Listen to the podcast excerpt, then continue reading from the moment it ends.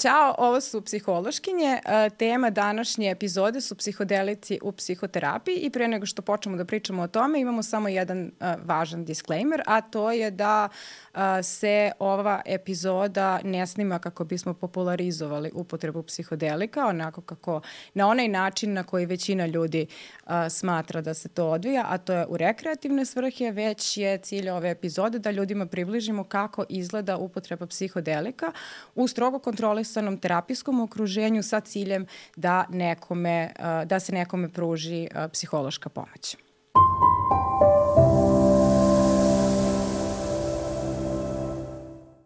Danas smo uh, tu Sandra i ja, Marija, uh, i sa nama je Lea Maskarel Maričić. Ona je završila medicinu kod nas na medicinskom fakultetu Univerziteta u Beogradu i sada je na čak dva uh, doktorata. Jedan od njih je iz psihologije na Humboldtovom univerzitetu u Berlinu i Lea se bavi digitalnom uh, psihijatrijom, a učestvovala je i u uh, istraživanjima uh, uspešnosti uh, psihodelika u psihoterapiji, tako da je danas u tom svojstvu sa nama da nam priča zapravo o psihodelicima.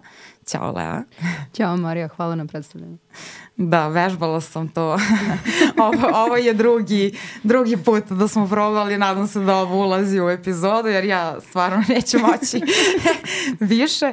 Um, I Sad zašto pričamo o psihodelicima u psihoterapiji, to je meni se čini u, u, oblast koja u poslednje vreme počinje dosta se razvija ovako u istraživačkom smislu, radi se dosta kliničkih studija i relativno je kontroverzna čak i u naučnim krugovima, u smislu da imamo sad grupu naučnika koji se zapravo bave tim istraživanjima i čini mi se da su oni vrlo optimistični povodom mogućnosti koje psihodelici nude i um, onda naravno kao rade svoje istraživanja i prosto guraju um, uh, uh, tu uh, disciplinu uh, korišćenja psihodelika, a sa druge strane imamo naučnike koji, koji se nalaze u sličnim poljima, u psi, kliničkoj psihologiji, psihijatriji, koji se ne bave time i meni se čini da se dosta i plaše onda cele te priče. Pa kako se tebi čini? Pre nego što počnemo ovako na kao materiju?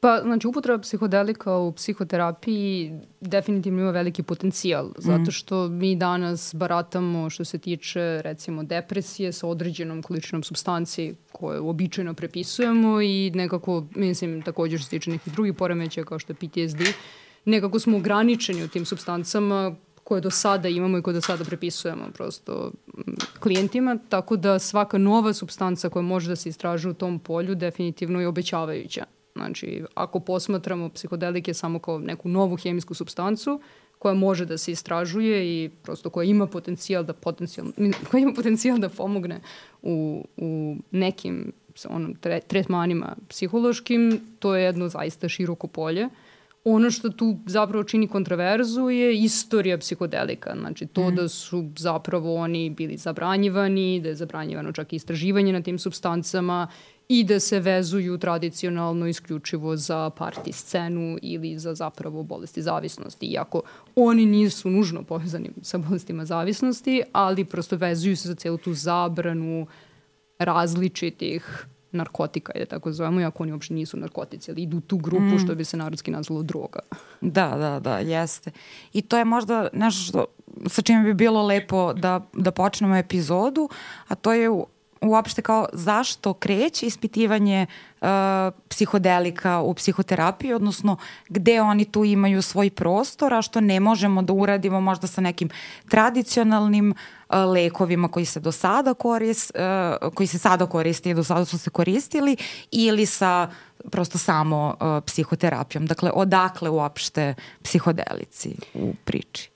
Znači, ono što mi definitivno znamo danas jeste da velike studije sa antidepresivima, znači antidepresivi imaju, ako pričamo o depresiji, pošto trenutno se psihodelici najviše istražuju što se tiče tretmana depresije i tretmana PTSD-a, ajde da kažemo su to neke dve velike oblasti, imaju potencijali u mnogim drugim oblastima, ali negde to je nešto, najveći broj istraživanja će to pokrivati. Znači, što se tiče depresije, mi imamo nekoliko generacija antidepresiva koje prepisujemo i čak i najnovija generacija antidepresiva, to su ti ono, inhibitori, selektivni inhibitori serot, pre, preuzimanja serotonina, zapravo velike studije pokazuju da ima efekt svega u 50% slučajeva.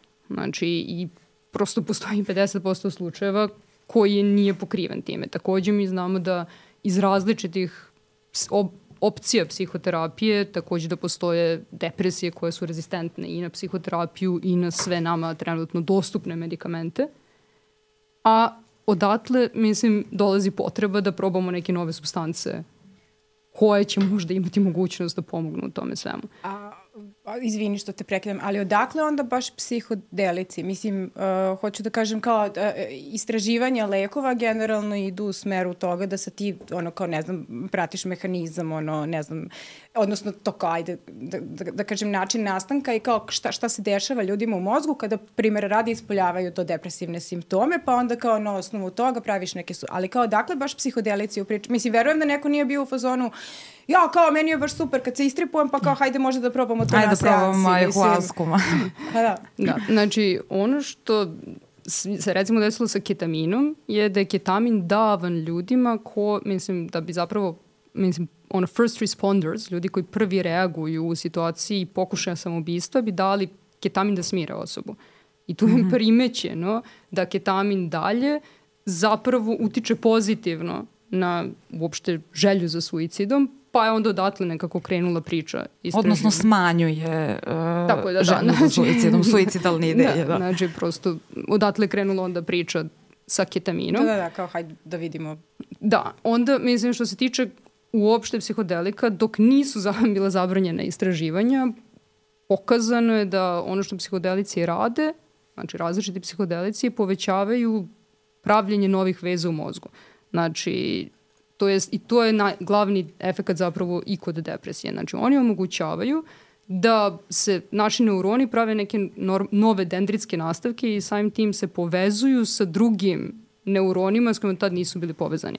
Znači, prave prosto nove veze u mozgu. E sad, mislim, recimo, jedna od glavnih substanci koje se sad istražuje je psilocibin. To je substanca koja se dobije iz pečuraka, znači kao magic mushrooms. Kad čujete, to je najčešće psilocibin. Uh, Mislim, to je uvek zapravo psilocibin. e sad, znači, bilo je nekako pitanje kako on deluje na nekom molekularnom nivou. To jest, zašto on, bi on posebno pravio sada nekakve nove nastavke u mozgu. I onda što su primetili? Primetili su da se on vezuje za te neke 5 HTA2 receptore. I da preko vezivanja za te receptore on stvara, on i još neki psihodelici stvaraju zapravo nove te dendritske nastavke. Sad, možda za neko ko nije iz struke, dendriti su kratki nastavci na našim neuronima. I oni se povezuju, sa, na taj način se pravi veze takođe sa nekim drugim neuronima. Uh, ti isti receptori zapravo služi za serotonin. Znači, serotonin je neurotransmiter u našem mozgu, to je jedna substanca koja služi da prosto neuroni međusobno komuniciraju. Znači, kao neke reči koje neuroni koriste. I onda je bilo pitanje, ok, ako ovaj psilocibin izaziva stvaranje novih dendritskih nastavaka, zašto običan serotonin to ne izaziva, jer se on vezuje za te iste receptore. Takođe je bilo pitanje zašto onda recimo antidepresivi ne rade to isto, zato što mogli bi to da urade jer deluju na količinu serotonina. I pokazali su da zapravo ti receptori postoje sa spoljašnje strane neurona, ali postoji sa unutrašnje strane neurona. Ukoliko se substanca vezuje sa spoljašnje strane, znači te membrane, aktivira se jedna kaskada. Ako se, to jest jedna reakcija neurona. Mhm, Ako se mhm. vezuje sa unutrašnje strane, zapravo se potpuno drugačija reakcija stvara i prave se novi dendritski nastavci. A psihodelici... Aha, a u stvari kao serotonin deluje onda od spolja, kao i tako ovi da. klasični da, antidepresivi, da, da. mislim. I onda što se dešava je zapravo da psihodelici imaju mogućnost prolaska kroz membranu. I prosto kada prođu kroz membranu pokreću tu kaskadu mm -hmm. koje neke druge substance ne pokreću. I na taj način prave te nove dendritske nastavke, što je recimo dosta novo istraživanje iz 2013. tek objavljeno. 2023. 2013. to 2003. 2023.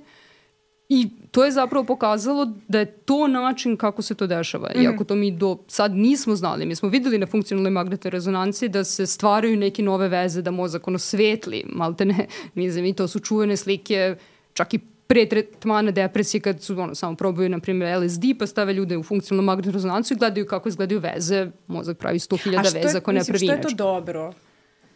Pa, ajde da zamislimo nekog, recimo, klijenta koji se bori sa depresijom, koja je, recimo, rezistentna na dva, tri antidepresiva, ide na psihoterapiju, znači ta osoba će imati uvreženo mišljenje o tome kako njegov svet izgleda.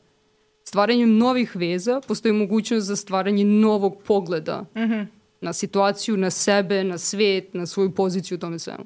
I to zapravo omogućava taj prostor gde vi onda možete da kažete aha, čekaj, da vidimo šta možda sad tu možemo da uradimo dalje sa psihoterapijom. Da, kad sam ja e, čitala e, radove koji se bave, mislim kliničke studije koje se bave zapravo uspešno, uspešnošću psihodelika, tu se često navodi sintagma neuralna fleksibilnost kao način da se objasni šta se tu dešava. Jel hoćeš malo to samo da produbiš? Da. Mislim, i me, to je i utisak koji sam ja stekla, dakle da, da, da postoji nekako olabla, o, o, olabavljena uh, uh, neuralna mreža onda kada um, psihodelici imaju svoje aktivno dejstvo i mogućnost za stvaranje novih neuralnih veza, što onda povratno utiče na uh, prosto veću uh, fleksibilnost na nivou stavova uh, naših o životu, o sebi, mogućnost nekako da prihvatimo sad neke nove stvari, ideje i onda revidiramo one prethodne tako stavove. Je, tako je. Znači, to što si sad ti rekla, neuralna fleksibilnost, to je baš to. Znači, to je zapravo stvaranje novih neuralnih veza u mozgu koje do tog trenutka nisu postojale, koje onda omogućavaju nove uvide i novo viđenje sebe u ovom svetu, sveta sprem sebe i tako da. dalje. Sad naravno, izvini. Ne, ne, na, nastavi, nastavi. Naravno, sad jak, zavisi tu koji, o kom psihodeliku mi zapravo pričamo. Mm, znači, da. ketamin, da. recimo, ima to svojstvo da ne samo da pravi nove veze, nego u prvih 24 sata radi nešto zove pruning mm -hmm. veza, znači seče već postojeće da. veze. Mm -hmm. One se obnavljaju nakon 24 sata, ali je pokazano da u tom vremenu se stvaraju zapravo te nove veze i to prilično pomaže A, da, terapijskom procesu. Da, ti suštinski kao on istovremeno ti nešto briše i ostavlja prostor da nešto napišeš novo. Da. E, ali u čemu je onda razlika između kao situacije gde ti odeš na žurku i uzmeš ketamin ili odeš u recimo takvu neku vrstu turizma pa kao malo probaš ayahuasku, bla bla, i situacije u kojoj kao ti odeš na to psihoterapijsku seansu i uradiš isto to, ali ti to pomogne. Pa, mislim, sad, Čemu znači, je razlika? razlika je definitivno što se... Brzo.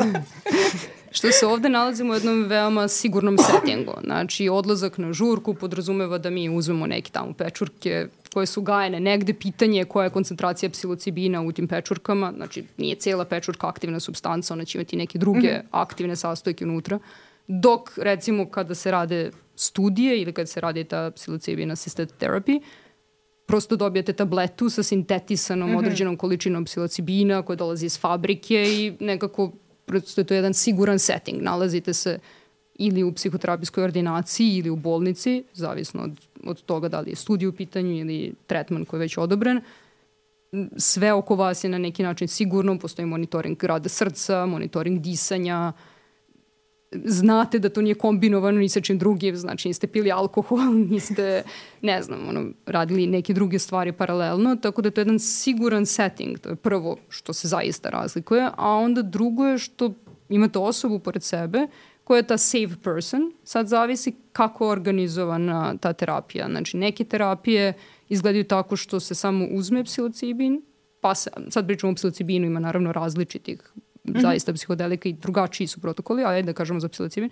Uzme se psilocibin, osoba sačeka tih 8, 10, 12 sati, tokom toga ne postoji nikakav razgovor terapijski sa osobom, nego više neka podrška, a onda se tek sutradan ili za 3 dana ili za 5 dana radi ta integrativna sesija gde se priča sa terapeutom, gde se priča o tim iskustvima i tako dalje. Postoje setinzi u kojima se tokom uzimanja određene substance, na primjer MDMA-a, radi odmah psihoterapija mm -hmm. pod uticajem substance.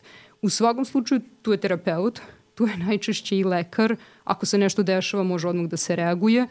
Uh, vi možete dodati na žurku i bez bilo kakve selekcije da uzmete psilocibin, ovde se zna za koga je ta terapija sigurna ako ne bi trebao da uzima takvu terapiju.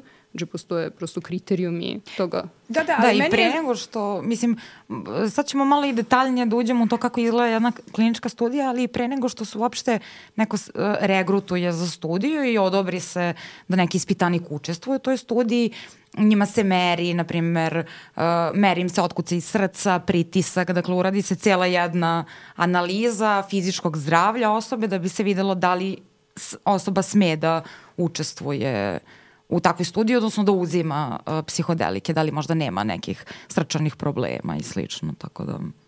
Da, mislim, da. srčani problemi su fizički kriterijum, da, da, da, fizički. a postoje i psihički kriterijumi zbog mm. kojih prosto ne bi bilo za vas, to ne bi bio prosto tretman koji je adekvatan.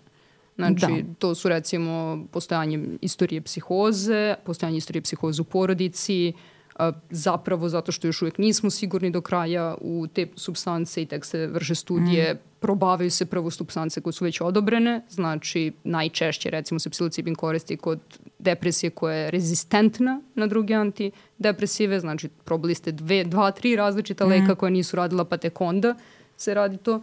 Tako da postoje zaista ono inclusion exclusion criteria tu. Da. Možda hoćeš da kažemo prvo koji su sve, uh, koje sve psihodelike imamo uh, za tretman i onda kojih stanja. Nekako samo možda da to bude jasno pre nego što krenemo malo detaljnije u kliničkim studijama. Pošto već smo počeli da spominjemo, a možda ne bi bilo loše da... Naravno, da. Znači, imamo MDMA, koji se koristi, koji je odobren u suštini u Americi za, koriš, za tretman PTSD-a Onda imamo psilocibin za tretman depresije, još neke stvari se takođe tu probavaju, recimo anksioznost kod pacijenata koji umiru, znači mm -hmm. na primjer od raka da, i da. tako, tu, tu se ponekada, mislim ima neki studija koji se bave time. Imamo ketamin koji je odobren za tretman depresije, koje je da. čak ve, više ne i rezistentne na, na druge antidepresije, on je prosto odobren sada za da, tretman da, da. depresije. Uh, pored toga imamo naravno ajuasku, koja se takođe koristi za neke studije vezane za depresiju, LSD, znači to su prosto neke stvari koje se trenutno mm -hmm. najviše istražuju.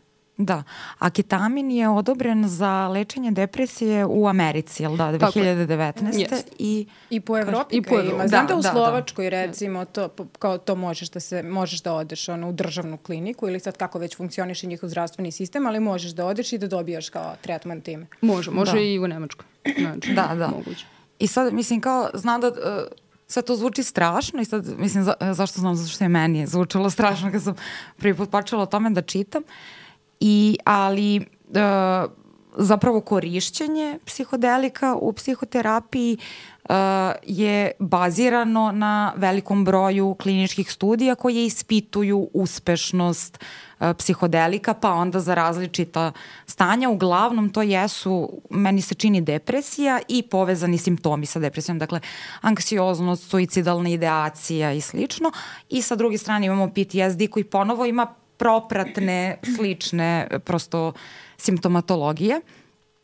I uh, bilo bi lepo da možda krenemo onako detaljnije od toga kako izgleda jedna tipična klinička studija, odnosno koje su sve njene faze, ko tu učestvuje i na koji način se rade stvari da bi se onda ispitali uopšte efekti uh, psihodelika, odnosno to koliko su oni uspešni. Dobro, znači, da. s obzirom da su psihodelice tako jedna, kako si ti rekla, kontraverzna tema, to su dosta striktne zapravo mm. studije. Znači, možda i mnogo strože nego što bi bile za neki lek koji je već odobren. I to je tako uvek sa svakom potpuno novom substancom. Znači, da, i mislim da bi trebalo da bude, jer kao ako imamo novi lek, ne, nešto no, neku novu substancu koja treba da se koristi ili želeli bismo da ona uđe u sistem, da je prosto uh, država odobri, da je preporučujemo ljudima, mislim da studije treba da budu prilično rigorozne da bi se uopšte pokazalo da li ima efekta i da li je ona bezbedna da bismo je dali ljudima. Tako da ja podržavam to što je rigorozno. Da, i to da. jeste zaista jedan rigorozan proces uvek sa svakom mm. novom substancom, pa tako i sa psihodelicima, da. plus tu postoji zaista jedan socijalni aspekt mm. toga, da je to dugo bilo zabranjeno, da se ljudi plaše zavisnosti, da se plaše da. te cele vezanosti, te teme za zapravo neku sasvim drugu temu. Da, da. Tako da, da to jeste jedan rigorozan proces. Naravno, mislim, prvo se piše predlog studije, takvu studiju odobrava etički komitet univerziteta, znači na kome se to radi. To je takođe ono kao neki prvi gatekeeper Zato što mm. oni ako smatraju da je to opasno na bilo koji način ili neetično na bilo koji način, ta studija se nikad neće ni desiti. Mm. Znači, onda prva neka faza studije je zapravo rekrutment, znači to kada vi regrutujete ljude koji će učestvovati u toj studiji, to se radi po kriterijuma koji su predefinisani. U slučaju tretmana psihodelicima, prosto to su ti isključujući kriterijumi i uključujući kriterijumi. Sad, kao što smo rekli, isključujući kriterijumi će biti bilo kakva istorija psihoze u bliskoj porodici, istorija psihoze kod samog pacijenta, e, određeni poremeće iz kardiovaskularnog sistema i ono što su uključujući kriterijumi, prvo ok, diagnoza naravno za koju radimo taj tretman, mm -hmm. u ovom mhm. slučaju depresija, a onda kao što smo rekli, pošto se psihodelici koriste samo kada su druge metode zakazale, to jest za sada mm -hmm. se mhm. tako radi istraživanja, to su onda pacijenti koji su probali barem dva različita antidepresiva iz dve mm -hmm. različite grupe i išli na psihoterapiju. Mm -hmm. I raspoloženi A, su da se uključuju u studiju, što absolutno. ti opet pravi ono absolutno. pruning. znači, to su ljudi da. koji se sami prijave za to. to. Da. Mislim, niko, znači, vi čak nemate ni pravo da sad zovete, idete da. od jednog drugog i kažete, e, ajde, nego objavite zapravo poziv za studiju, onda se ti ljudi prijavljuju, onda se tek radi selekcija. A da li je postojanje komorbiditeta, dakle još nekih uh, diagnoza pored ove, da kažem, primarne diagnoze, na primer depresije, uh, isključujući kriterijum? To zavisi od studije do studije. Okay. Ali može da bude, zato što, kao što kažem, te studije su dosta striktne mm -hmm. i mhm. sad to nema ni same veze sa, sa substancom, nego sa tim da vi ne želite da vam nešto utiče na rezultate. Mm -hmm, znači, ne želite da se izmiksaju sad tu neki potencijalno simptomi, nego želite da ste sigurni da to prosto pomaže kod depresije, onda se trudite da taj uzorak bude što više knjiški. Da, da, ok. Koliko god je to moguće. Da. Dobri, sad, dakle, regrutovali smo ispitanike i uvek postoje, dakle, ti uključujući i isključujući kriterijum i kako onda izgleda po fazama sama studija? Znači, prva faza te studije je da zapravo se ono, ti svi ljudi pozovu, mm. urade se intervjui sa njima, urade se svi ti različiti upitnici koji su kao ta neka ono, početna, startna pozicija od koje ćete vi dalje pratiti šta se dešava sa tim uh, klijentima. Onda takođe se svim ispitanicima objasni kako izgleda studija, Znači, predoče im se sve mogućnosti nekih negativnih efekata, pozitivnih efekata i tako dalje. Sa druge strane, izvan znanja ispitanika se oni randomizuju. Mm -hmm. Znači, to znači da će neko dobiti psilocibin, a neko će dobiti placebo. E, a, izvini, sad moram, ovo mi je užasno zanimljivo. A, kako, mislim sad s obzirom da a, psihodelici imaju momentalno dejstvo i da je teško da ne znaš šta si dobila psihodelik, kako onda rešavaš taj problem što kontrolna grupa će znati da ga nije dobila, a kao grupa sa tretmanom će znati da ga jeste dobila?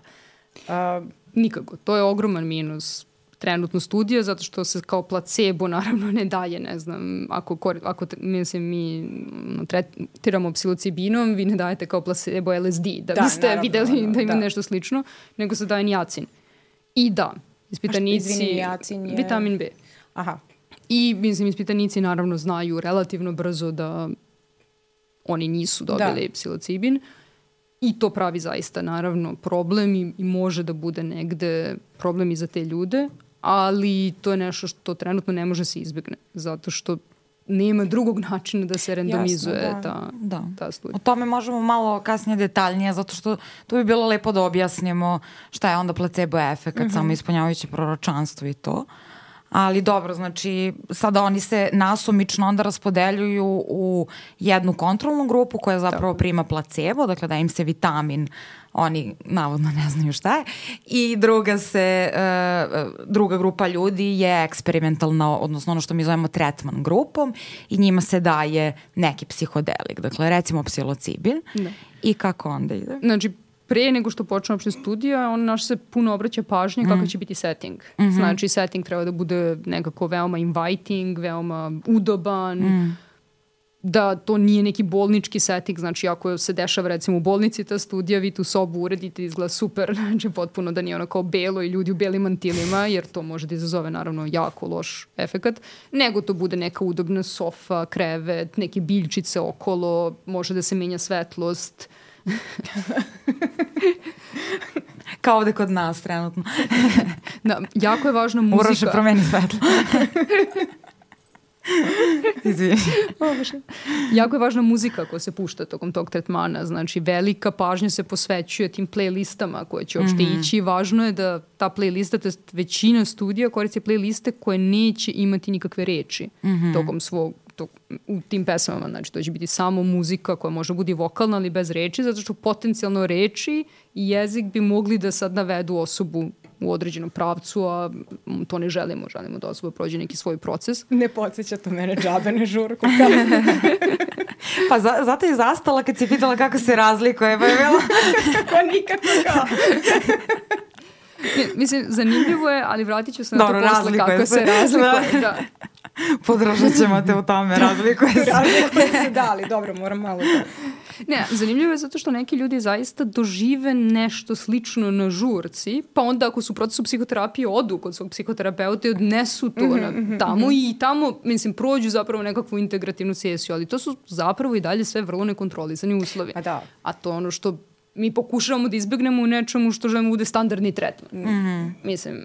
Da, da, ne, nešto što kao možeš da predvidiš posledice toga, a ne da one budu nešto random, pa kao pomoglo nekom, nekom nije. Pa da, mislim isto kao što mnogi ljudi će biti, ono, ne znam, uznemireni dva dana i uzet će bromazepam, jer to može se kupi bilo gde i sad, okej, okay, mislim, može će im pomoći, možda im neće pomoći, ali mislim, ne, da, to je da. nekako random uzimanje. Da. Ako ti prepiše lekar zbog nečega bromazepam, isprati to, ne znam, 7 dana, 10 dana, to ima neku svrhu, da, sigurno da, da, da, je, znaš koliko uzimaš, znaš kako se skidaš s toga. Mislim, da, drugačije. znaš da prestaješ. da. da, dobro. Ju. Izvinjavam se. Sve okej. Okay. Glavu mikrofon. Budalo oko.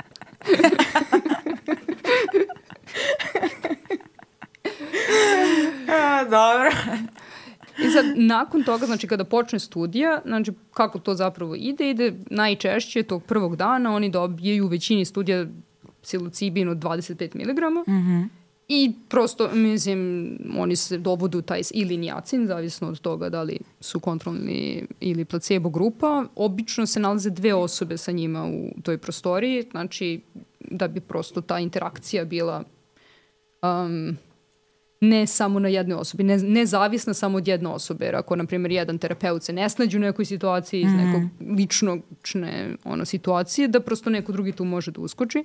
Da, ali oni su tu kao više um, neka potencijalna zaštita tako. ukoliko osobi ne bude dobro Jest. ili nešto tako, ali inače ne treba da rade ništa, odnosno njihova uloga je vrlo um, ne intervenišuće, odnosno oni su tu nekako sa strane. Mislim, Tako. dobro, jeste intervenišuće, nisam to, kao, ako treba, ali su tu sa strane i nemaju u tom trenutku nikakvu ni, uticaj, ne, nego nikakav uticaj na osobu zato što ona treba da prolazi zapravo kroz aktivno dejstvo psihodelika, da. Tako je, da.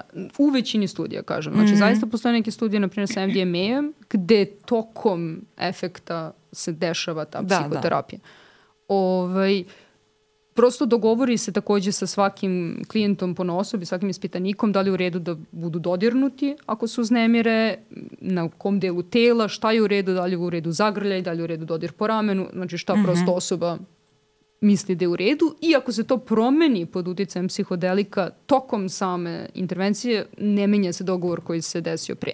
Znači ako da. sad, na primjer, ja kažem, e, ja bih ipak da me zagrliš, terapeut to neće uraditi, zato što je dogovor, ako je dogovor pre toga bio da mi nije okej okay, da me bilo ko zagrali. Da, onda kada si bila kao pri punoj svesti, Tako. rekla si da nećeš. Tako. Ta prosto ono sesija traje ili zapravo ta intervencija mm. gde osoba je na psilocibinu traje recimo oko 8 sati. U nekim studijama im je dozvoljeno da se prošetaju ako žele da izađu napolju u dvorište, mm. ako ne, mislim, ne žele da budu tu. Oni najčešće ostaju u bolnici celu noć i sutra ujutru ih ta ono, osoba koja ih skuplja iz bolnice pokupi. Znači, to je kao mm -hmm. ta neka njihova osoba koja im je follow u toj situaciji. Mm -hmm. Nije dozvoljeno u većini studija da izađu sami iz bolnice. Aha, znači čak i kad prođe tih 8 sati, koliko traje sama seansa sa psihodelikom? Odnosno, ja kažem seansa, ali samo da. uzimanje psihodelika i onda osoba uglavnom, ja sad to zamišljam kao leži na krevetu i sluša muziku i prolazi kroz stanja. Uh, kada se završe tih 8 sati, ona ostaje i dalje tu u bolnici. Tako je. Aha, Najče, okay. U najčešće. Znači sad zaista ima različitih studija, različitih protokola da, i najčešće da, da. ostane do ujutru u bolnici, ne izlazi sama iz bolnice, nego neko pokupi. Mm -hmm. Neko njen. Da, neko to, njen. Znači ona navede ko će biti ta osoba koja će doći da je pokupi. Mm. I znači nakon toga se najčešće radi ili 24 sata posle toga prva integrativna sesija, nekada odmah prvo jutro, isto zavisi od protokola, i onda idu follow-upovi. Znači, obično bude posle recimo 5 dana neki follow-up, pa posle dve nedelje, posle četiri nedelje, posle šest nedelja, postoje studije koje prate na posle godinu dana. Mhm. Mm da, ja sam imala utisak da uglavnom bude više uh, tretman sesija, odnosno sa psihodelikom, čini mi se u proseku dve ili tri. I posle svake ovo što si rekla, neko vreme, posle svake bude jedna integrativna faza. Dakle, kada onda dođe uh, terapeut i ispitanik i terapeut zapravo razgovaraju o tome kroz šta je ispitanik prolazio i onda integrišu to iskustvo u jedan celovit narativ koji ima neko značenje i tako dalje, zar ne? To zavisi od, Aha. opet od studije. Znači sad jako puno studija pokušava da pokaže da već single use, Aha, znači da već smanjuje. prvo vodejstvo, to je jedno uzimanje psilocibina već može da pomogne mm -hmm. kod mhm. depresije, što bi zaista, ako bi se pokazalo do kraja, za sada deluje obećavajuće, mm -hmm. bilo jedan onako wow pomak, jer znači, mi odjednom onda imamo substancu koju u određenom settingu damo jednom i već imamo veliki boljitak mm -hmm. kod pacijenta i to je zaista nešto što bi bio ve, zaista veliki korak u, u recimo tretmanu depresije. Tako da dosta sada studije ide na to da samo radi jedan single use od 25 mg psilocina. I šta, mislim, mm -hmm. kakvi su nalazi za sada? Kao, jel to, mislim, oni svi pričaju obećavajuće i tako dalje, ali kao kada se nekako ti nalazi sumiraju tu, ono možemo da primetimo svakakve metodološke probleme i problemčiće i tako dalje. Neke od njih smo već spomenule, ali kao šta, šta, šta nam govore? Pa za sada zaista deluje obećavajuće. Znači, ne samo na nivou pacijenta, znači, kažem, zaista i na molekularnom humanitarnom nivou. Znači, pokazano je i kod drugih, ono, i kod animalnih modela mm -hmm, da -hmm. dolazi recimo do promene ono, u mozgu, da i kod modela depresije na životinjama pomaže. Znači, tako da na raznim modelima, uključujući i asistiranu Ljudski, da. psihoterapiju, znači uključujući čoveka, zaista deluje običavajuće. Ono što pravi problem, pravi problem što mi nemamo studije koje prate dovoljno dugo to još uvek, mm -hmm. da imamo neke, ali nismo sigurni šta će se dešavati za pet godina od tog trenutka, šta će se dešavati za tri godine od tog trenutka, što nije toliko različito od antidepresiva. Mislim, mi ne znamo šta će se dešavati kada osoba prestane da, da uzme antidepresive za tri godine. Mislim, može da se vrati depresija, može da se vrati potpuno neveza, mislim, nevezani da, da, da, da, događaj da. da bude. Ali, opet kažem, s obzirom da je nekako toliki reflektor na tim, na tim psihodelicima, onda se stalno postavljaju sva ta pitanja koje se potencijalno čak i ne postavljaju za neke druge lekove, a iste stvari mogu da se dese i dešavaju se. Da, jasno, to... jasno, da, ali meni je, mislim, kao meni je onda, ba, baš iz tog razloga, baš zbog tog kratkog delovanja i kao te činjenice da je to sve i dalje nedovoljno istraženo, ovaj, zapravo uh, uh, dosta smislen odabir, kako da kažem, problema ili poremećaja na koje je to i primenjivo. Kao to su neke situacije u kojima ti živiš sa depresijom i druge stvari ti ne pomažu i očajan si. Uh, Sa druge strane, kao imamo taj PTSD. Ako se ne varam u tim studijama, to su ljudi koji od PTSD-a pate jako dug niz godina. Mm -hmm. I kao prosek druge stvari. Je ja baš, mislim da je oko da. 17 godina u nekim studijama bio prosek. Kao, to je da, ja sam sinoć dugo. čitala ovu jednu studiju koja je u Nature Medicine izašla i uh, tu je prosek grupe sa, mislim obe grupe, izvinjam se, pošto i placebo i tretman grupa imaju PTSD, uh, bio baš oko 15 godina. Pa da. I taj kao terminalne faze bolesti gde su, da. suštinski, mislim, ti kao i želiš, te, tebi je i važno da, da, da, da postigneš efekat brzo i to je to. Pa da, da, i pritom, znači mi nemamo zaista neku veliku niti metodologiju, niti ikakve velike mogućnosti farmakološki da pomognemo, na primjer, pacijentima koji umiru od terminalnih bolesti od straha od smrti. Da. Znači, to je jedan veoma težak rad. Svi koji i ole rade u nečemu takvom znaju da je to, mislim, jedno polje u kom jako malo toga ruke, da. imamo da ponudimo. Da. Da. Ali jeste, mislim, ono što je meni malo razuveravajuće povodom efekata psihodelika, videla sam da studije pokazuju pozitivne efekte. Dakle, pokazuju nakon što se završi um, tretman sesija, integrativna sesija, pa ja sam uglavnom zapravo čitala one koji imaju više tretman sesija, dakle tri, pa u, tom periodu se dešava onda i tri integrativne sesije, pokazuju oni poboljšanje, odnosno kod tretman grupe, dakle grupa ljudi koja je uzimala uh, psihodelike, poboljšanje u smislu smanjenje depresivnih simptoma, smanjenje suicidalne ideacije, a kod ove kontrolne grupe, dakle uvek ima nekog spontanog uh, smanjenja tih simptoma, ali je mnogo manje i ima značajnih razlika između te dve grupe. Um, I onda sad, mislim šta želim da kažem, uh, to jedno merenje koje se dešava prvi put kada prate kao da li ima smanjenja, to je ovo što si rekla follow up i to se dešava vrlo brzo nakon samih tretmana, dakle par dana nakon, zar ne? Dešava se i da. nakon šest meseci. Znači, e, pa to sam htjela. Onda je sledeća tačka uglavnom bude nešto dalje. Da, recimo ide to par dana, nedelju e. dana, mesec dana, tri meseca. Da. I či, ja sam uh, naišla na najviše studija koji u proseku je do dva, od dva do tri meseci otprilike, znači nekoliko nedelja kasnije je ta druga tačka i nekad stvarno imamo i treću i ono što je mene, mislim što me malo razuverava, jeste to da mi imamo poboljšanje odmah nakon korišćenja tretmana. Dakle, tu vidimo razliku između dve grupe i oni ljudi koji su uzimali, na primjer, psilocibin, se bolje osjećaju, to depresivni simptomi su im smanjeni. Ali onda nakon dva meseca, kada oni ponovo dođu da se prosto ispita kakvo je sada trenutno njihovo psihičko stanje, uh, tu se sada dešava, čini mi se češće nego što bi trebalo u studijama, da um, se više grupa koja je uzimala psilocibin od one koja nije uzimala ne razlikuje. Odnosno, nakon dva meseca prosto oni se vrate na neko početno stanje sa kojim su i došli.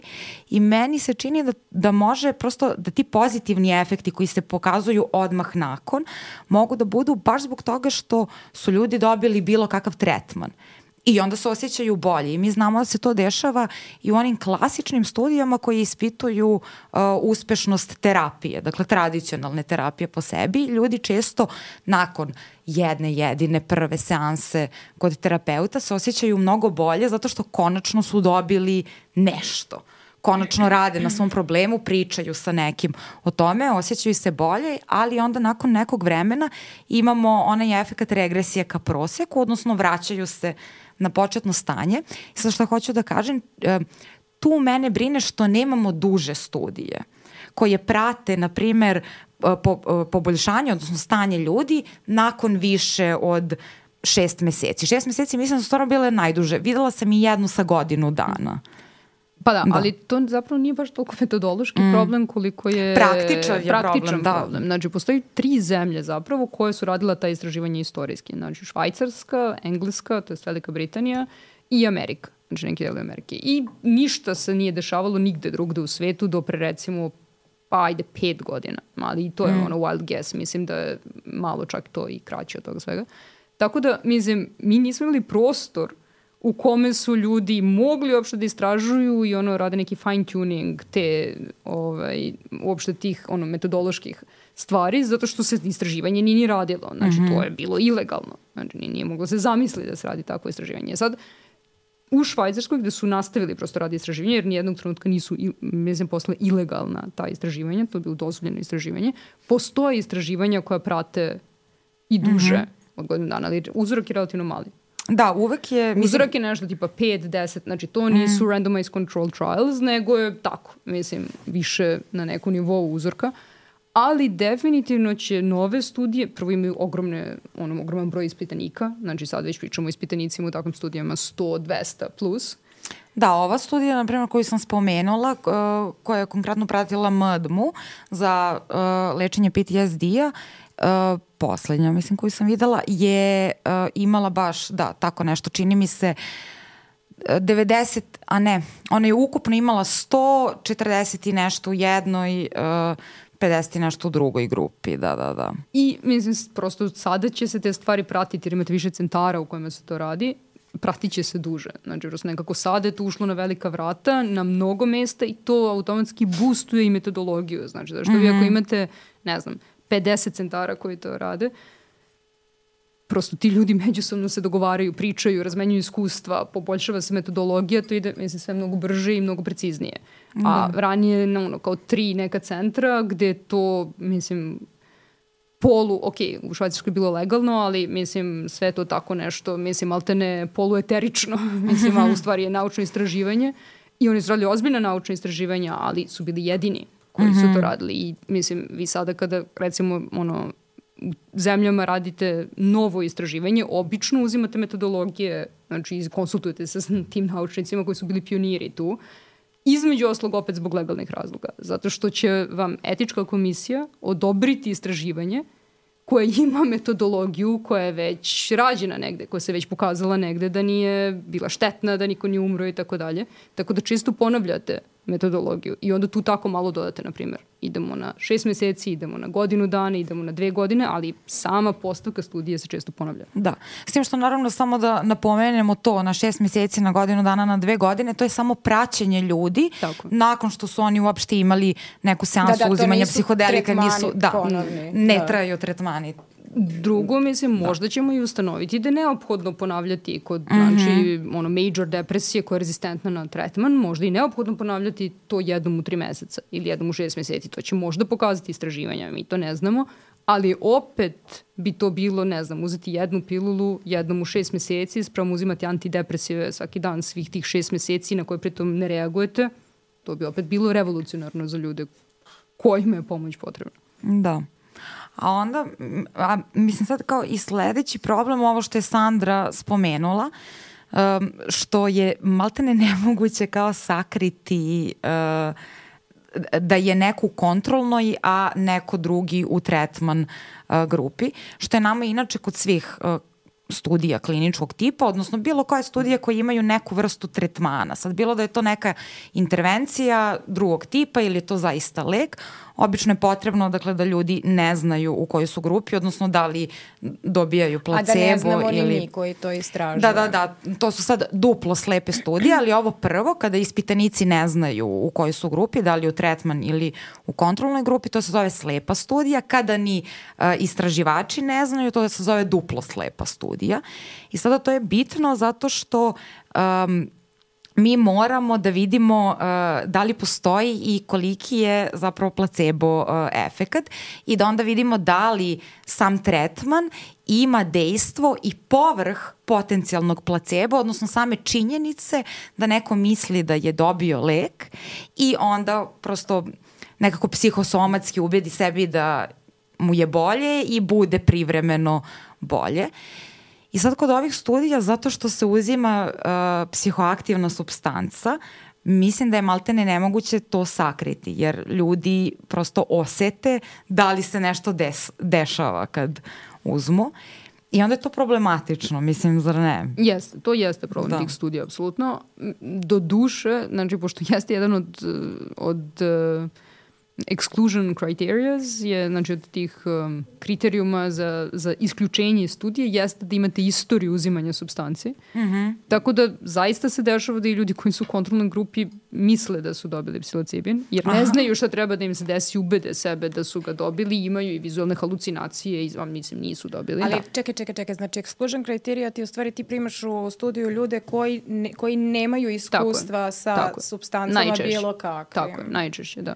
Ok, a za, zašto? Mislim, Pa zato što žele da izbegnu bilo kakvu, znači ja kažem, to su opet nekako legalne odluke. Znači želi da se, se, da se izbegne prvo bilo kakva interakcija sa nečim drugim, ukoliko osoba redovno konzumira različite stvari, moguće da je metabolizam već izmenjen. Uh -huh. Znači da prosto neće imati Jasne, isti efekt, jasne, to bi interferiralo s rezultatima. Drugo, zato što politi, mislim, to je sad naučni deo, a mislim kao sad politički ili legalno, zato što želi da se izbegne bilo kakav overlap sa tim da neko postaje zavisnik, da neko postaje Da. redovni konzumator, mm. tako nečega, da neko... Tako da uglavnom je exclusion criteria ako ste Da, to uzimali. mi, je, to mi je baš interesantno jer bih ja baš očekivala uh, uh, suprotno u smislu da je kao jako teško, imam utisak da ćeš jako teško u, kad, kad god je neka stigmatizovana stvar u pitanju i to kao pipava tema, da ćeš mnogo teže i to malo ispitanika što možeš da nabaviš, bit će ti još teže da, da ih privoliš da učestvuju u tako nečemu, jer kao misli se ljudi dosta plaše toga. na, iskustvo, znači barem u toj studiji ko, gde sam ja imala mogućnost da, da učestvujem u organizaciji, je bilo da prosto da se toliko ljudi prijavilo da nije bilo moguće ispuniti.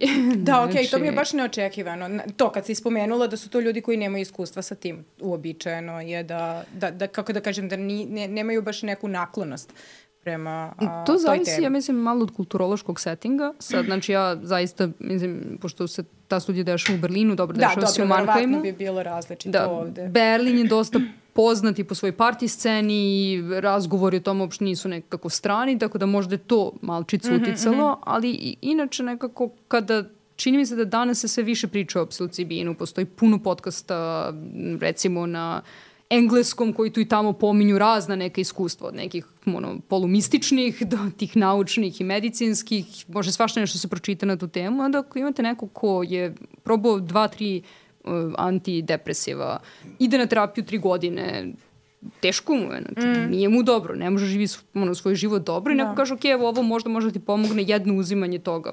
Pa, obično bude, ma, Dobro, mislim, jasno, ono, da. daj šta daš.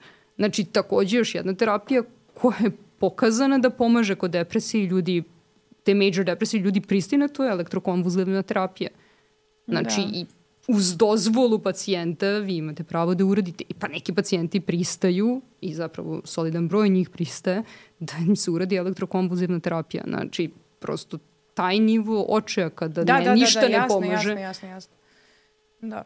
svakako ono, jedna tabletica mislim, deluje kao ok, u nekom safe settingu, ako se nešto desi, tu su lekari, u bolnici sam, tako da, Da, onda... da, da, da.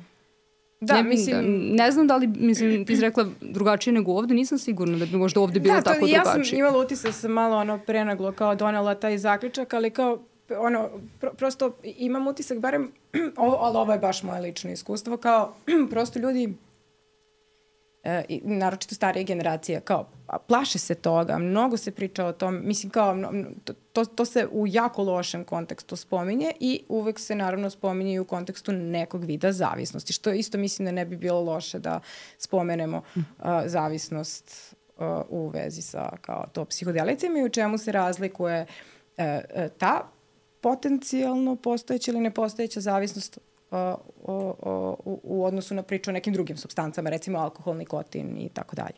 Da, razumem. Pa, mislim, mislim da su ljudi spremni kada im dobro objasnite zašto nešto, kako nešto, kako to funkcioniše, koji je sve setting oko toga, da su spremni to da prihvate i da čuju. Zato što prosto, mislim, ljudi obrate za pomoć i onda žele da čuju šta može sve Da, da, da, da, im da. Sad, što se tiče same zavisnosti, znači, prosto psihodelici ne izazivaju fizičku zavisnost sa nekim malim izuzetkom ketamina. S tim, on nije pokazano da izaziva fizičku zavisnost, ali ono što jeste problem kod ketamina, iako on odobren za tretman, je da on osim na te glutamatske receptore, to je neko njegovo glavno dejstvo, deluje takođe i na opioidne receptore. Mm -hmm. Opioidni receptori su ti koji recimo kod heroina izazivaju mm -hmm. zavisnost. Tako da se kod njega dešava to da morate da podižete dozu često. Dobro, a, Da bi se mislim da, da, da, da samo da bi trebalo i da razjasnimo šta je fizička zavisnost i kao kad kažeš Mhm. mm -hmm. ne izazivaju fizičku zavisnost, šta je to tačno? Dobro, znači većina nas kad razmišlja o zavisnosti, razmišlja ono o sceni iz filma, neko se trese u ćošku, znoji se, mislim, radije bi da umre nego da sad ne uzme, na primjer, heroin. I to je klasičan primjer fizičke zavisnosti. Ona se dešava i kod nekih drugih substanci, na primjer kod alkohola. Postoji ta fizička zavisnost, što se tiče droga, jedina substanca za koju je sigurno da izaziva fizičku zavisnost je heroin i sve druge substance koje deluju na opijadne receptore. Mm -hmm. Znači, zato imate sad tu krizu opijata u Americi. Znači, koji svi deluju na opijadne da, da, da, da. receptore i koji stvaraju fizičku zavisnost. E sad, kad pričamo o psihičkoj zavisnosti, to znači da mi ne možemo da zamislimo pa sad šta god. Izlazak, sutradan, život, ono, život e, subotu sa porodicom bez da smo uzeli neku substancu. Uh mhm. -huh. Znači, prosto vezujemo svoj opstanak psihički sa nečim što ćemo uzeti. I ta substanca postaje jedan od načina da funkcionišemo, odnosno prosto taj mehanizam funkcionisanja koji pomaže, po znacima navoda, u smislu gura osobu da živi, ali je dugoročno jako loš jer se osoba vezuje za to. Tako, tako. I to se dešava, mislim, to može se desiti kod bilo čega, da. znači da. tako isto kao kod psihodelika i može da se desi to svi ljudi koji su prosto psihoterapeuti ili psihijatri ili uopšte vezi nekako da za terapiju znaju da to može da se desiti sa bilo kojim lekom koji vi prepišete koji je iz te grupe prosto ono, psihijatrijske terapije. Zato što recimo ako prepišete nešto za anksioznost, u nekom trenutku mislite da osoba treba polako se skine, ne znam, sa rivotrila, osoba se plaši da se skine sa rivotrila često, zato što misli, ok, sad kada se skinem sa rivotrila, baš mi je bilo fino, dobro, lepo mi išlo da, u da, životu, da, da. sad će ko zna šta se desi.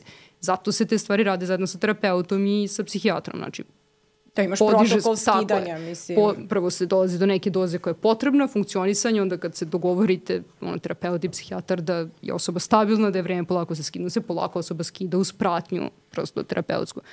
Isto to bi se radilo ili će se raditi i sa ako se prosto psihodelici budu pretrebljavali u bilo kakvoj terapiji. Mm -hmm. Znači, to je, jeste jedna od glavnih razlika, zato što tu imate terapeuta koji će ispratiti proces, ok, kako je osoba, da li se plaši nečega, da li se plaši da li možda funkcioniše bez ovog ili ne, ajde da radimo na tome, mislim, prosto mm -hmm. Da, to mi je drago što si podvukla tu razliku, zato što mi se čini da kada se priča o tome da psihodelici ne izazivaju zavisnost, naravno se tu misli na fizičku zavisnost, ali ova psihička zavisnost je ono što je nekako što je teže u smislu napuštanja same substance od koje smo zavisni i što onda pravi dugoročne, duboke, kompleksne probleme uh, osobi. I to može da postoji sa bilo kojom substancom i može da postoji i sa psihodelicima.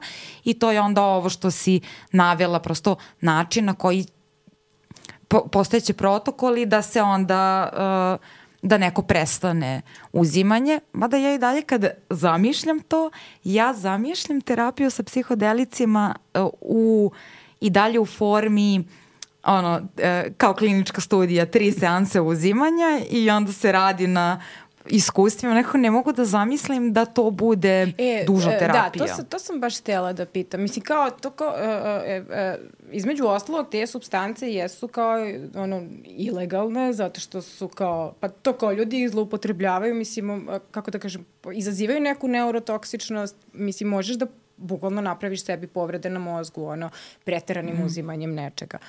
Uh, E sad, kako onda, uh, uh, na koji način kao ti u stvari možeš da uh, napraviš taj tretman na neki način dugotrajnim, a da opet to ne povrediš čoveka? Mislim... Pa u zapravo istraživanjima vi ustanovite tu neku maksimalnu dozu do koje može da se ide. Onda ustanovite takođe minimalnu pomažuću dozu najčešće. Da li to je minimalna? Minimalna pomažuća doza je minimalna doza od koje zapravo počinje neki efekt. Da li će mm -hmm. to biti doza po kilogramu ili će to biti prosto neka miligramaža leka, to postoji za svaki lek. Mm -hmm. Znači svaki lek ima neku minimalnu dozu koju se pravi, ne znam, bromazepam od 1,5 mg. Aha, okej, okay, da, sad mi je jasno o čemu pričaš. A onda, mislim, bromazepam od 1,5 mg je kao minimum koji će da, vam neko da. prepisati, da. a sme maksimalno 6 mg da. dnevno, posle toga toksično. I sad, to je neki opse koji se ustanovljava u studijama. Recimo, pošto je ketamin odobren za ovaj, te, tretman, on se više ne koristi u klin, mislim, ima neki klinički studij, ali taj setting nije setting kliničke studije. Vi dobijete sprej za nos i prepiše vam se, mislim, koliko uzimate ono,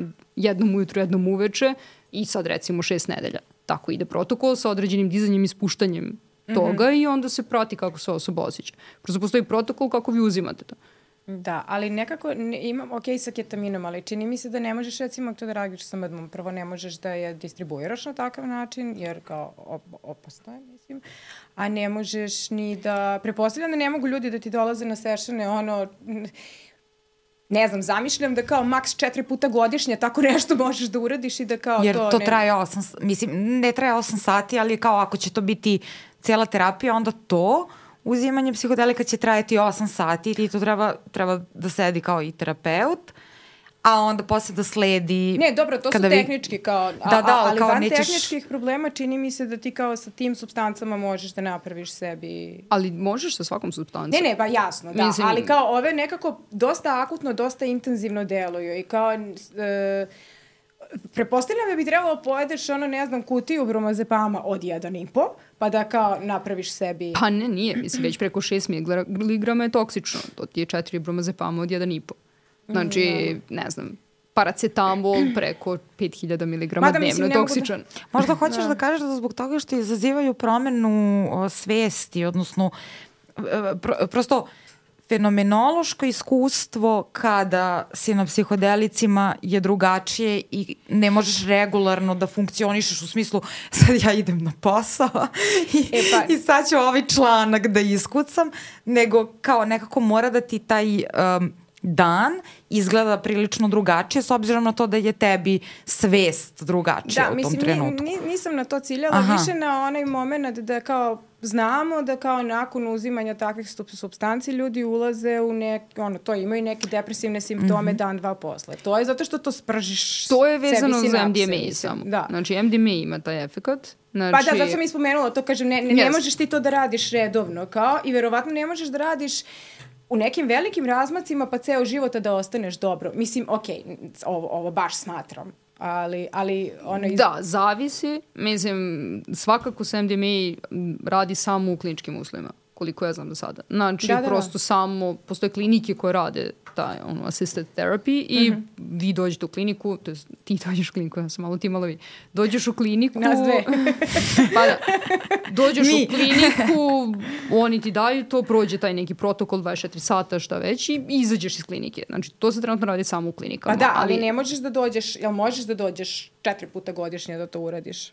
Pa to za, da ne. zavisi od protokola. Znači, Aha. mislim da ne može za MDMA, ali nisam sigurna. Pa da, da, e, to, to me kao, zato što stvarno imam utisak da kao postoje kao određene substancije sa kojima kao to možeš da izvedeš, ketami recimo sa nekim baš Da, onako, ne, mislim, najverovatnije se ništa ne bi ni desilo da uradiš to četiri puta godišnje. Da. Znači, prosto postoji neki minimalni period posle određene doze MDMA-a gde ne bi smeo da i radiš to ponovo, znači to je recimo dve do četiri nedelje, mm -hmm. dok se kao ne potpuno ne obnovi serotonin. Uh, ali posle toga u suštini bi mogao. Znači, zavisi vjerojatno od protokola, znači ne vjerojatno, sigurno zavisi od protokola koji se koristi tad za PTSD. Da, ne da, znam da, da, tačan da. protokol, radi se samo u Americi to, znači tamo je odobreno za tretman PTSD od FDA-a, ali apsolutno se to radi klinički. Što se tiče psilocibina, isto to se trenutno radi klinički. Mhm. Ketamin se isto radio klinički i sad postoje, mislim, te mislim, klinike u kojima se to radi. Ali je vremenom uspelo se to reguliše tako da se nađe doza koju može da koristi pacijent sam Jasno, da. u, po određenom protokolu. Nažalost, sa svakim lekom Postoji pa tako i tim, da. postoji da. zloupotreba. Znači, postoji upotreba po protokolu, postoji nažalost i zloupotreba i to je sad neki deo gde računaš da osoba to želi da radi zato što želi sebi da pomogne, želi da bude bolja, a ne zato što želi da se ubije. Ali, da. ok, mislim. Da, jasno. Da, Uh, htela sam da nas vratim na uh, još neke od uh, problema studija koje sam ja ovde revnosno zapisala i onda A mi ih ignorišemo kao. Ajmo na to šta mene muči. Šalim se. ovaj, uh, da, nego baš, mislim, palo mi je na pamet dok si pričala sad o ketaminu, uh, pošto on jeste legalizovan za upotrebu i mislim čak je i uh, toliko ušao u svakodnevnu upotrebu da se kao sprej uh, prodaje. Ja bih očekivala da onda kada smo neku substancu legalizovali ili smo toliko daleko otišli sa kliničkim studijama u ispitivanju te substance i onda, eto, sad je, je legalizovana, da će studije koje sada postoje, odnosno trenutno stanje u, kao, u naučnoj oblasti biti takvo da imamo i studije koje su dugotrajnije, odnosno koje će pratiti ljude kojima se prepisuje uh, uh, određen psihodelik kao lek i tokom dužeg vremenskog perioda, baš da bismo utvrdili koliko je efekat dugotrajan. I ovo što si ti spomenula da kao nekako se ide na to da da se, uzi, da, da se pokaže uh, uspešan efekat posle jednog samo uzimanja i meni se čini da ketamin u spreju je prosto nekako uh, to, odnosno ono kako izgleda praksa onda toga uh, ako se pokaže uspešnim, a to je da se on prepisuje ljudima, a uh, nije praćen terapijom, psihoterapijom. Mm -hmm. Jel da? Da, nije, on se koristi kao prosto antidepresiv. Da. Znači, da li se pra, mislim, da li osoba ide dodatno na psihoterapiju ili ne, je, to je relativno da, individualno. Da. I koliko je onda uh, u takvoj formi uh, uspešan i kao drugo pitanje, druga stvar, uh, čini mi se da i dalje onda nemamo studija, makar sa ketaminom, pošto je on legalizovan, koje na duži vremenski period prate ljude, da bismo videli da li pomaže, dakle kao koliko je efikasan. I to, to sam htjela me pita, da te pitam da kao da li znaš ba, i to. Ketamin je legalan, to je, mislim, on mm. je legal, ketamin je vrlo specifična substanca, on je legalan od uvek, znači on nije dakle, legalan. U veterini da, nije, znači mislim. to je anestetik u veterini i to je anestetik koji se koristio za ljudsku upotrebu tokom drugog svetskog rata. Znači ima neke super mm, features, super osobine da bi bio kratkotrajni anestetik i zato je relativno bilo jednostavno nekako dalje raditi istraživanje jer on nikada nije bio ilegalan. Ketamin mm. prosto nije bio ilegalan. To nije substanca koja je ilegalna, ovo je samo nekako reupotreba za novu svrhu je ovaj tretman depresije. Uh, znači, prosto za depresiju odobrano od strane FDA-a čini mi se pre dve i po, tri godine a da. u Evropi pre godinu i po dana. To je jako kratak, mislim, to je jako kratko vreme. Dobro, znači, to je znači, tačno, da. I zapravo postoje studije. Znači, ja znam za studije koje rade to, koje vod, gledaju šta će se desiti i kako će većini ispitanika reagovati, otprilike tretmanje oko šest nedelja, to u spreju mm -hmm. sa različitim dozama. Ali još uvek koliko ja znam, nema rezultata tih dugoročnih studija kako bi ti želo od 3 4 5 godina. Dajte Zato što mi prosto to zaista nije ni bilo upotrebi dovoljno dugo. Da. Da, da, dobro. A dobro, možda Ali... im ne odgovara da sprovedu dugotrajne studije. Zezam se. Ali da, to nas možda dovodi do ovog konflikta interesa koji se isto spominje u ovim studijama zbog činjenice da je ovo na mnogim mestima nelegalno i da kao postoje kao, to, da su ta istraživanja finansirana uh, od strane farmaceutskih kompanija, od strane, ne znam, to NGO i ostalo. Ovaj, kako se, mislim, šta, šta, šta imaš da nam kažeš o tome? pa, mislim sad, to ste... Imam i tu stvari da. koje me brine. Neke teorije zavere, mislim, oko toga. Mislim, u suštini, ako već idemo u te neke populističke priče, to su jedna priča je da nekakva, neki deo farmaceutske industrije je vrlo zainteresovan za razvijanje te, tih lekova, drugi nije zainteresovan, uh mhm. -huh. zato što prosto su razvijali neke druge terapije koje bi se možda manje sada koristile, ali kao kažem, to sve zaista ostane na nivou nekakvog rekla kazala. Znači, jasnog nekog velikog konflikta interesa nema, iako ga ima uvek mora se statuje u, mm -hmm. u mhm. svakom naučnom radu. Znači, ako neko radi u nekom startupu koji se bavi, ne znam, ketaminom, psilocibinom, čime god, ili ima kliniku koja se bavi takvom terapijom, učestvuje u studiju, on to mora napiše mm -hmm. na dnu svakog rada i to prosto mislim, je tako i zaista tako funkcioniše, da li negde ima nekih variacija na tu temu, pa verovatno, mislim, ali to jeste nešto što običajno se napiše ako postoji konflikt interesa. Ovo sve ostalo je nekako zaista na nivou, pa to nešto, mislim, nekog, nekih teorija zavere koji deo farmaceutske mafije ili farmaceutske industrije nešto hoće, mislim da to nekako, jasno, jasno. ja ne mogu da, da prokomentarišem, mm -hmm. a da, da zapravo stojim iza toga što izgovaram. Ne, nego, ali, ali to jeste nekako vezano za način na koji će se rezultati interpretirati uh, i preneti u samoj uh, naučnoj studiji, a na osnovu koje se onda donose neke uh, institucionalne praktične uh, odluke. I čini mi se da onda kada postoji neki konflikt interesa... E, iz, samo Aha. mislim da bi treba, to kao, da ono kao konflikt interesa o kom pričamo, to znači meni je neko dao pare da izvedem studiju za njega, ja sam izvela studiju, dakle imam konflikt interesa jer me neko plaća i sad ću možda da reportujem i da zaključujem uh, uh, nešto što možda nije ba, baš, baš, baš podržano podacima. E, o tome, kao to je ono o čemu pričamo, sam se tela da, da, da, da, da, da. pojasnim. Da. da, i onda dakle, e, prosto imamo to poklapanje onoga što ja uh, želim kao ili bi možda trebalo uh, da, da dostavim i onoga što govore podaci. Sad, ja jesam zaista, kad sam češljala literaturu, videla dosta radova koji uh, imaju velike efekte i kao zaista pokazuju ogromno poboljšanje uh, pri korišćenju, na primjer, psilocibina i mdme, konkretno sada i mislim na taj jedan rad sa, sa mdmom, dakle, efekti su ko kuća.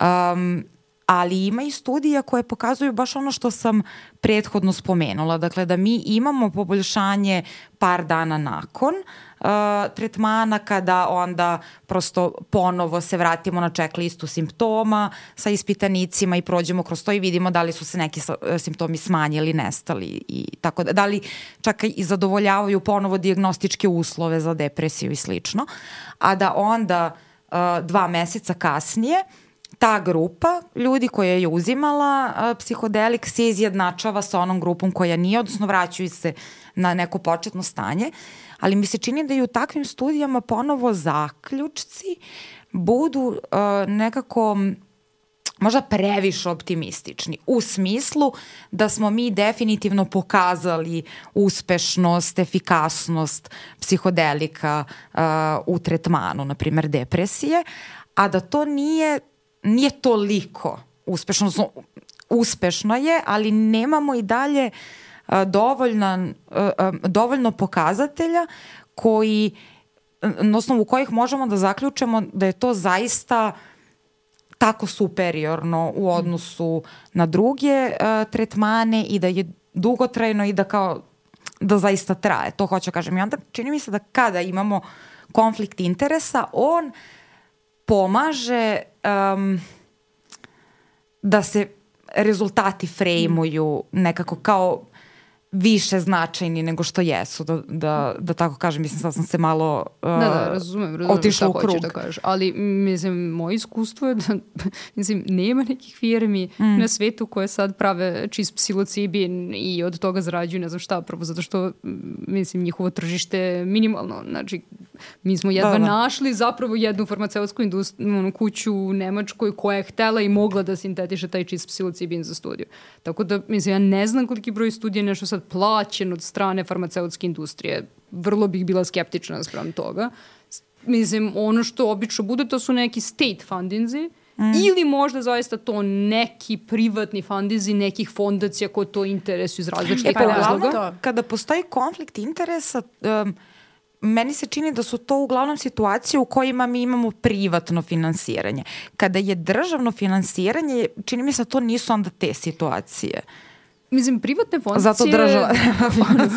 prva, privatne fondacije ulažu u istraživanja za koje su zainteresovane, najčešće ne zato što će ne znam šta zarade odatle, mm. nego zato što postoji neka istorija koja njih na neki način vezuje za tu temu. Znači, ono, često se dešava da, ne znam, ako je to sad neka privatna osoba koja je ostavila, recimo, svoj novac za istraživanje, da je imala neko iskustvo s depresijom, da je neko uh -huh. u mhm. porodici preminuo od samo suicida i tako. Znači, prosto to su neke priče, ok, ili neki lični interes, strašno sad, sad zainteresovan za psihodelike, mislim da je to top, hoću baš da to mhm. -huh. finansiram, a imam bruka para. Neki veliki konflikt interesa ja stvarno, mislim, ne znam, znači to da kao sad neko ima svoju kliniku i ta ista osoba finansira, pritom kažem to uvijek mora da bude stateovano. Ono što to stvarno ne bih rekla da većina naučnika radi nevezano da li je psilocibin ili nije psilocibin pitanje je da će lažirati rezultate. To je jako da, da. redko kad mm. se to mm. desi, to je stvarno ono skandal u nauci, mm. mislim to naravno ta osoba gubi ime, gubi poziciju i to je potpuno mislim nešto što je naravno vredno prezira i niko to mislim niko, ali mali broj ljudi to bi tek tako uradio. Uh, Moguće možda da ljudi koji, koji rade ta istraživanja su entuzijastični oko tih istraživanja. Ja mislim, kad god se bavite nečim entuzijastični ste obično, mislim, hopefully ste ono, entuzijastični oko toga. Nije mrzimo svoj posao i život kao... Da, ali ne, da. Mislim, ne mislim da to dovodi do nekog lažnog predstavljanja rezultata. Znači, sad, ono što verovatno, mislim, razumijem šta tebi zvoni, tebi nekako zvoni to što posle dva meseca se u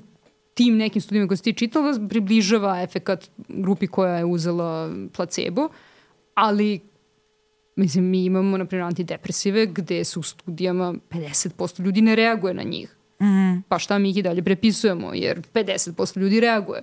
Znači, nekako čak i kad bismo dobili rezultat da samo dva meseca je efekat, ok, mislim, posle dva da, meseca da, će se ponoviti još jednom. Mislim. Znači, ponavljam, to su ljudi koji ni nešto do tog trenutka nisu reagovali. Znači, dobili su dva meseca koja su bila mnogo bolja, a ok, možda recimo posle godinu dana na svaka dva meseca prosto bude drugačije i ne mora više spolja. Kažem, to je sve dosta novo, mi ne znamo do kraja kako će taj protokol ići, koji, će, koji protokol će biti najidealniji, ali ne mislim da većina ljudi koji se time bavi želi sa tu da navlači neke rezultate, nego prosto mislim da, ok, jeste nova oblast, jesu neki protokoli i dalje takvi da ih treba ono dalje testati i sređivati da budu bolji i, i mislim ono što upotrebljiviji, ali ne mislim da sad neko namerno tu navlači da ti rezultati deluju sa neko ludo. Da, ni ja ne mislim da namerno, definitivno ne to, niti sam to htela da kažem,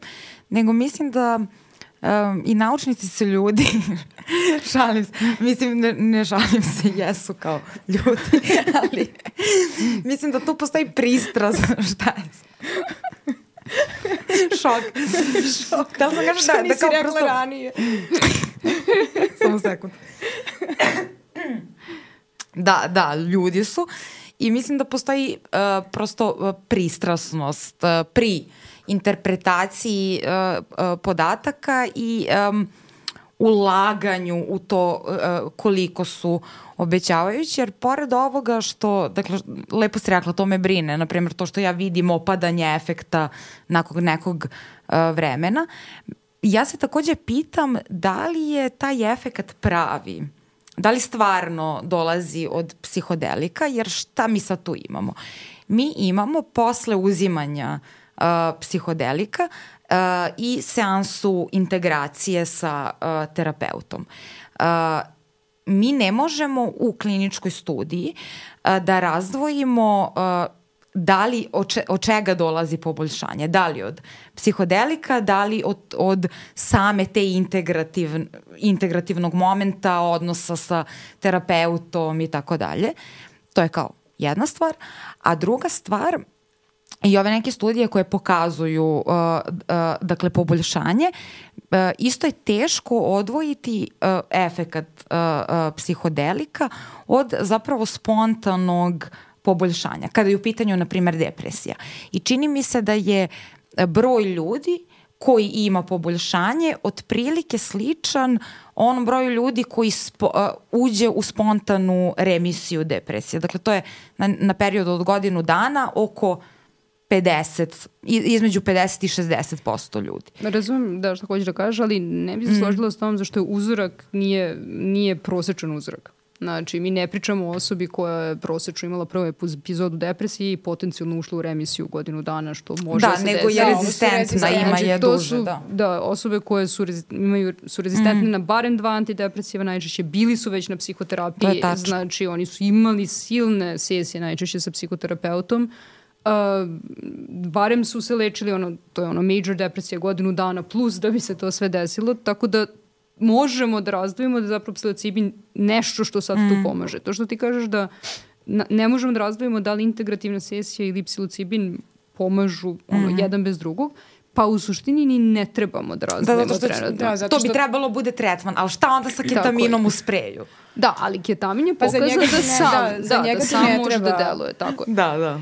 Pritom mislim tradicionalno, znači mi pričamo o uzimanju psilocibina recimo ono, u plemenima ili ajuaske ili mislim pejotla, znači tradicionalno su to substance koje su se uzimale u plemenu sa šamanom. Znači neko te gajdovao kroz to. Znači prosto slično nešto se može dešava na tom nivou integrativne sesije. To jeste neko iskustvo koje ti doživljaš sa nekim drugim bićem parcijalno, koje te vodi kroz to možda šta si doživeo, kako si doživeo, pričate o tome, razmenjujete to. Znači, to nije nešto što je ni istorijski drugačije funkcionisalo. Mm -hmm. Tako da možemo, kažemo da će to možda za uvek biti Paket. prosto da. paket koji, koji će ići tako. Ne znamo to sad, za sada tako ide, Da, ali... dobro. A, ako neko mene pita, to treba da bude paket. Mislim, nekako trebalo bi da postoji uh, psihoterapija uz uh, korišćenje psihodelika ako se psihodelici tako kao budu koristili, a koristit će se pošto mislim imamo Krenuli smo zemlje tim da, da. da.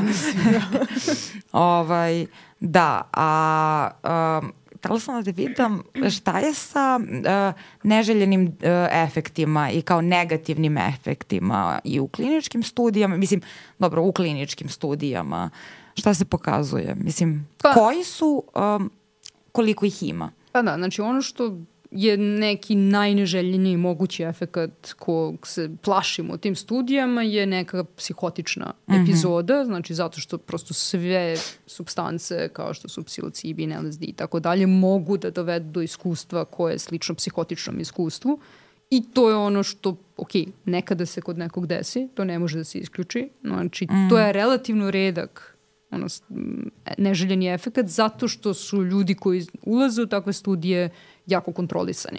Da. Tako da onda mi jako zato pazimo se i- ko- ko to Da, zato se i isključuju iz studija bilo koji ljudi e, sa istorijom Tako. uh, psihoze. Da, da. Znači, to je nešto, recimo, što je baš neželjeni efekat, može da dođe do skoka pritiska naglog, može da dođe do nekih ono, ubrzanog rada srca, nekada možda i od straha, od toga šta se doživljava, nekada prosto zaista fizički. To je sve u studijama pokriveno time da ste vi u bolnici, da postoji i lekar i monitoring srca i tako dalje. Mm. Relativno su redki takvi neželjeni efekti. Ono što jeste neka vrsta neželjenog efekta je ukoliko osoba oseti poboljšanje, a onda shvati zapravo da nije imala psilocibin tokom te same studije, mislim, to je ono što se ti pomenula kao samo stvarajuće proročanstvo koje može jako loše da utiče, ali to nije kod ljudi koji dobiju psilocibin nego kod kontrolne grupe, jer ti ljudi nekad imaju te osjećaj, eto, kakav sam baksus, pa nisam mogao da budem, da dobijem ni psilocibin, nego sam bio u kontrolnoj grupi. A kako je moguće da sazna u kojoj je grupi bio? Pa shvati, shvati da nije, da nije imao trip, ako priča možda sa nekim, shvati Jasno, da, da je to jasno. bilo drugačije. Mislim, Da, da, da, ne, dobro, ja živim u očekivanju da kao, znaš da, mislim kao, prosto ako, ako, ako istripuješ strip, onda ne znam šta može da te razuveri. Pa Ali- recimo razgovor sa nekim drugim Sa koji ima to iskustvo, iskustvo, i jasno, tako, da. da, da, Mislim, da, ili, ono, tako da je to, to je neki moment, ili čak i ako odmah znaš, to može da negativno utiče na osobu zaista, jer prosto često da, Da. bi, bude to, eto, kakav sam baksu, znao sam da će se to meni desiti i meni su dešavaju tako stvari. A ljudi kojima recimo, mislim, prepostavljam da se i to dešava, a, da ljudima to ne pomogne nego odmogne. Mislim, je li ima...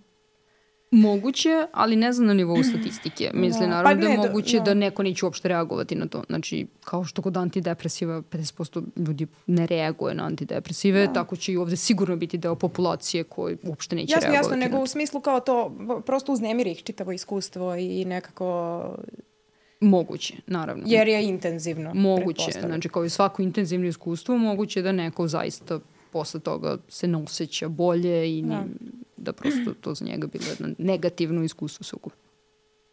Da, ja sam, uh, na primjer, s- slušala sam predavanje jednog od tih autora koji s- konkretno se psilocibinom uh, bavi i on je tu izveštavao sad na osnovu par svojih studija, oko 30% ispitanika su prijavljivali na primjer povećanu anksioznost, stre, stres i kao uh, takve uh, negativne simptome.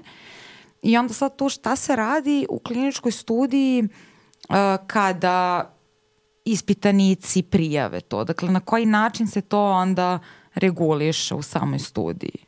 Da li misliš da na koji način se reportuje, znači na koji način mi pišemo to u rezultatima ili Ne. na koji način se bavimo tim? E, na koji tim- način se bavimo ispitanikom, Znači, osobom? to je zapravo deo tog procesa koji se vi dogovorite pre, pre terapije. Znači, Mhm. ako se osoba jako uznemirila tokom samog tog tripa na psilocibinu, tog iskustva, da onda, mislim, da li će terapeut zagrliti, da li će dodirnuti, razgovarati nekim mirnim tonom, pokušati da se prošetaju tokom toga svega. Naravno, na toj integrativnoj sesiji će to biti pomenuto, pričat će se o tome, pričat će se o tome šta vas je uznemirilo, ali Kao kažem, mislim, nije nužno loše da se uznemirite, nije nužno loše da, da nešto nije baš super prijetno. Mislim, postoji ta fraza u psihoterapiji, ako izađete sa svake psihoterapije smejući se, nešto nije okej okay s tom psihoterapijom. Mm. Znači, tako isto i, i sa ovim. Znači, to iskustvo može da bude neprijetno, ne mora da bude prijetno, ali može da bude pomažuće. Znači, nakon toga, ako se to integriše na neki dobar i kvalitetan način, može da vas dovede dalje mnogo od toga gde, odakle ste počeli. Da. I pomogla si mi sada eh, da verbalizujem još jednu svoju bojazan. A to je ono što si pre ovoga rekla da je zapravo naj... Um, uh, uh, najveća uh, negativna posledica uh, odnosno negativni, ef, najstrašniji negativni efekat može da bude pokretanje prve uh, psihotične epizode i da to može nekad da se desi. Čini mi se da je to ono što meni pravi razliku između, na primjer, dosadašnjih uh, tretmana, recimo depresije, korišćenja antidepresiva i recimo psihodelika, da, da um, ljudi na koje će negativno da utiče psihodelik mogu da imaju strašno prosto negativno iskustvo, odnosno kada pričamo o uh, pokretanju uh, psihoze, naspram toga da kada antidepresiv ili neki drugi lek uh, nema dejstvo na, na, kao, na pomoć. Prosto hoću da kažem da tu imamo, ok, imamo ljude kojima pomaže i kada pomaže, to je odlično. Kao, naravno da je odlično zato što ljudi um, u tom trenutku imaju depresiju koja je rezistentna na bilo koji drugi tretman i žive sa time godinama, desetinama godina i treba im nešto što će im pomoći. I ako nešto može da im pomogne, to je super. A, ali onda kad imamo ljude kojima ne pomaže, to može da bude izrazito opasno. I čini mi se da je to ono što me možda malo baguje, za razliku od drugih tretmana koji kada ne pomažu, nije tako opasno, čini mi se. Pa ja nešto iz svog iskustva čitanja onih Alims uh, upustava mm. za upotrebu lekova, to su, da. ti ti zaista imaš nus pojave koje su jako, recimo, ne znam, to, su, to je neki antimikotik, diflukan valjda. Ako ga kombinuješ sa lekom protiv alergije, možeš da imaš kao, možeš ti izazove kao psihotik like, kao, i kao halucinacije i kao te psihotične simptome i tako dalje. I kao to postoji, nije, ono, masa lekova ima baš heavy Ovaj, mm. Pa ne mhm. znam, ono, antipipi pilule uh, koje ti prave, mislim to kao, kao neke ono duboke venske tromboze, mislim to kao ugrušci krvi i ostalo koji su, mislim, opasni po život i, i Da, i antidepresivi isto imaju, mislim, negativne efekte. Znači, ok, trebamo da, da razlikujemo, znači, ok, pozitivan efekt, znači, delovalo je, pomoglo je, ok, nije delovalo i nije se ništa desilo, dobro, mm -hmm. znači, to isto postoji kod locibina, nije pomoglo, nije se ništa da, da, da. desilo u redu i negativne efekte. Znači, antidepresivi takođe imaju ono, velike mogućnosti negativnih efekata, znači, postoji nešto zove serotoninska kriza, koja može da se desi na antidepresivima kod ono, znači ne ove poslednje, ne mm, ove poslednje grupe antidepresiva, to je najnovije grupe tih selektivnih inhibitora serotonina, ali recimo kod ranijih, znači, na primjer, malo inhibitora, uh mhm. -huh je postalo nešto što su, se deš, zvalo hipertenzivna kriza, znači gde recimo ako ne znam pijete te lekove i pojedete neki jači sir ili vino, pošto ne može da se, znači to je blokiralo jedan enzim, ko je učestvovao i takođe u varanju nekih delova tog sira ili vina, pošto nije to više moglo da se, da se rasturi, do, vodilo je do hipertenzivne krize, do strašnog skoka pritiska, do toga ljudi, mislim, su čak i umirali, završavali u bolnici i tako dalje. Tako da nije, prosto ne postoji substanca na ovom svetu koja, koja nema, nema ekstreman neki, negativan neki efekt. negativan efekat. Da li da. će se desiti? Pa mislim možda ono što je u svim istraživanjima lekovima važno je koliko često se dešavaju takvi ekstremni negativni efekti. Znači vi kada bilo koji lek istražujete morate definitivno prijeti svaki negativan efekt. Znači mm. ako se jednom nešto desilo to mora da piše na onom uputstvu, da može i to da izazove i onda se prosto to kategorizuje. Da li je izuzetno redko, redko, relativno često, često. Znači, ako imate česte efekte kao što je psihoza, taj lek nikada neće ući u potrebu, to je sigurno. To se prosto neće odobriti da uđu u upotrebu. Da, da, da. Ako je dovoljno. Mislim, u krajnjem slučaju zato je zato se to i klinički ispituje i treba dugosežno da se ispituje baš zarad takve sistematizacije svih mogućih negativnih efekata, njihove učestalosti i slično. A sad me zanima i možda možemo to nekako čak i za kraj. Šta su m, velika otvorena polja uh, u uh, ispitivanju uh, dejstva psihodelika u smislu um, šta se, šta se još uvek ne zna o mehanizmima njihovog dejstva, šta se zna, koji je taj ključni mehanizam nekako koji pikiramo i gde sad idu naredne studije, odnosno šta je neka sledeća stvar koju treba dosta ispitati. Pa, znači ono što smo rekli negde na početku je, znači to što mi za sada znamo je da pravi nove neuralne mreže. Mm -hmm. I znamo negde donekle i preko kojih receptora najverovatniji koji je mehanizam zapravo toga svega. Uh, dalje, ono što, mislim, ne znamo, pa to zapravo proizilazi iz ne, našeg neznanja o samim tim bolestima. Znači, mi ne znamo dovoljno o depresiji, kao što ne znamo dovoljno ni o PTSD-u, znači ne znamo dovoljno o molekularnim mehanizmima. I sad postoje neka zaista interesantna istraživanja koje su pokazala da recimo kod depresije postoje i promene na nivou našeg imuniteta. Mhm. Mm I recimo novija istraživanja sa psilocibinom idu na praćenje toga, da se vidi da li sad te promene kod našeg imuniteta su na neki način modulisane ili, ili da li na neki način psilocibin tu zapravo takođe reaguje. I to je možda taj neki molekularni nivo gde će se ići dalje u sledećih 5-10 godina, ali ne samo sa psihodelicima, nego uopšte u celom razumevanju toga šta je depresija, šta je PTSD, jer naše znanje i dalje veoma ograničeno. Da.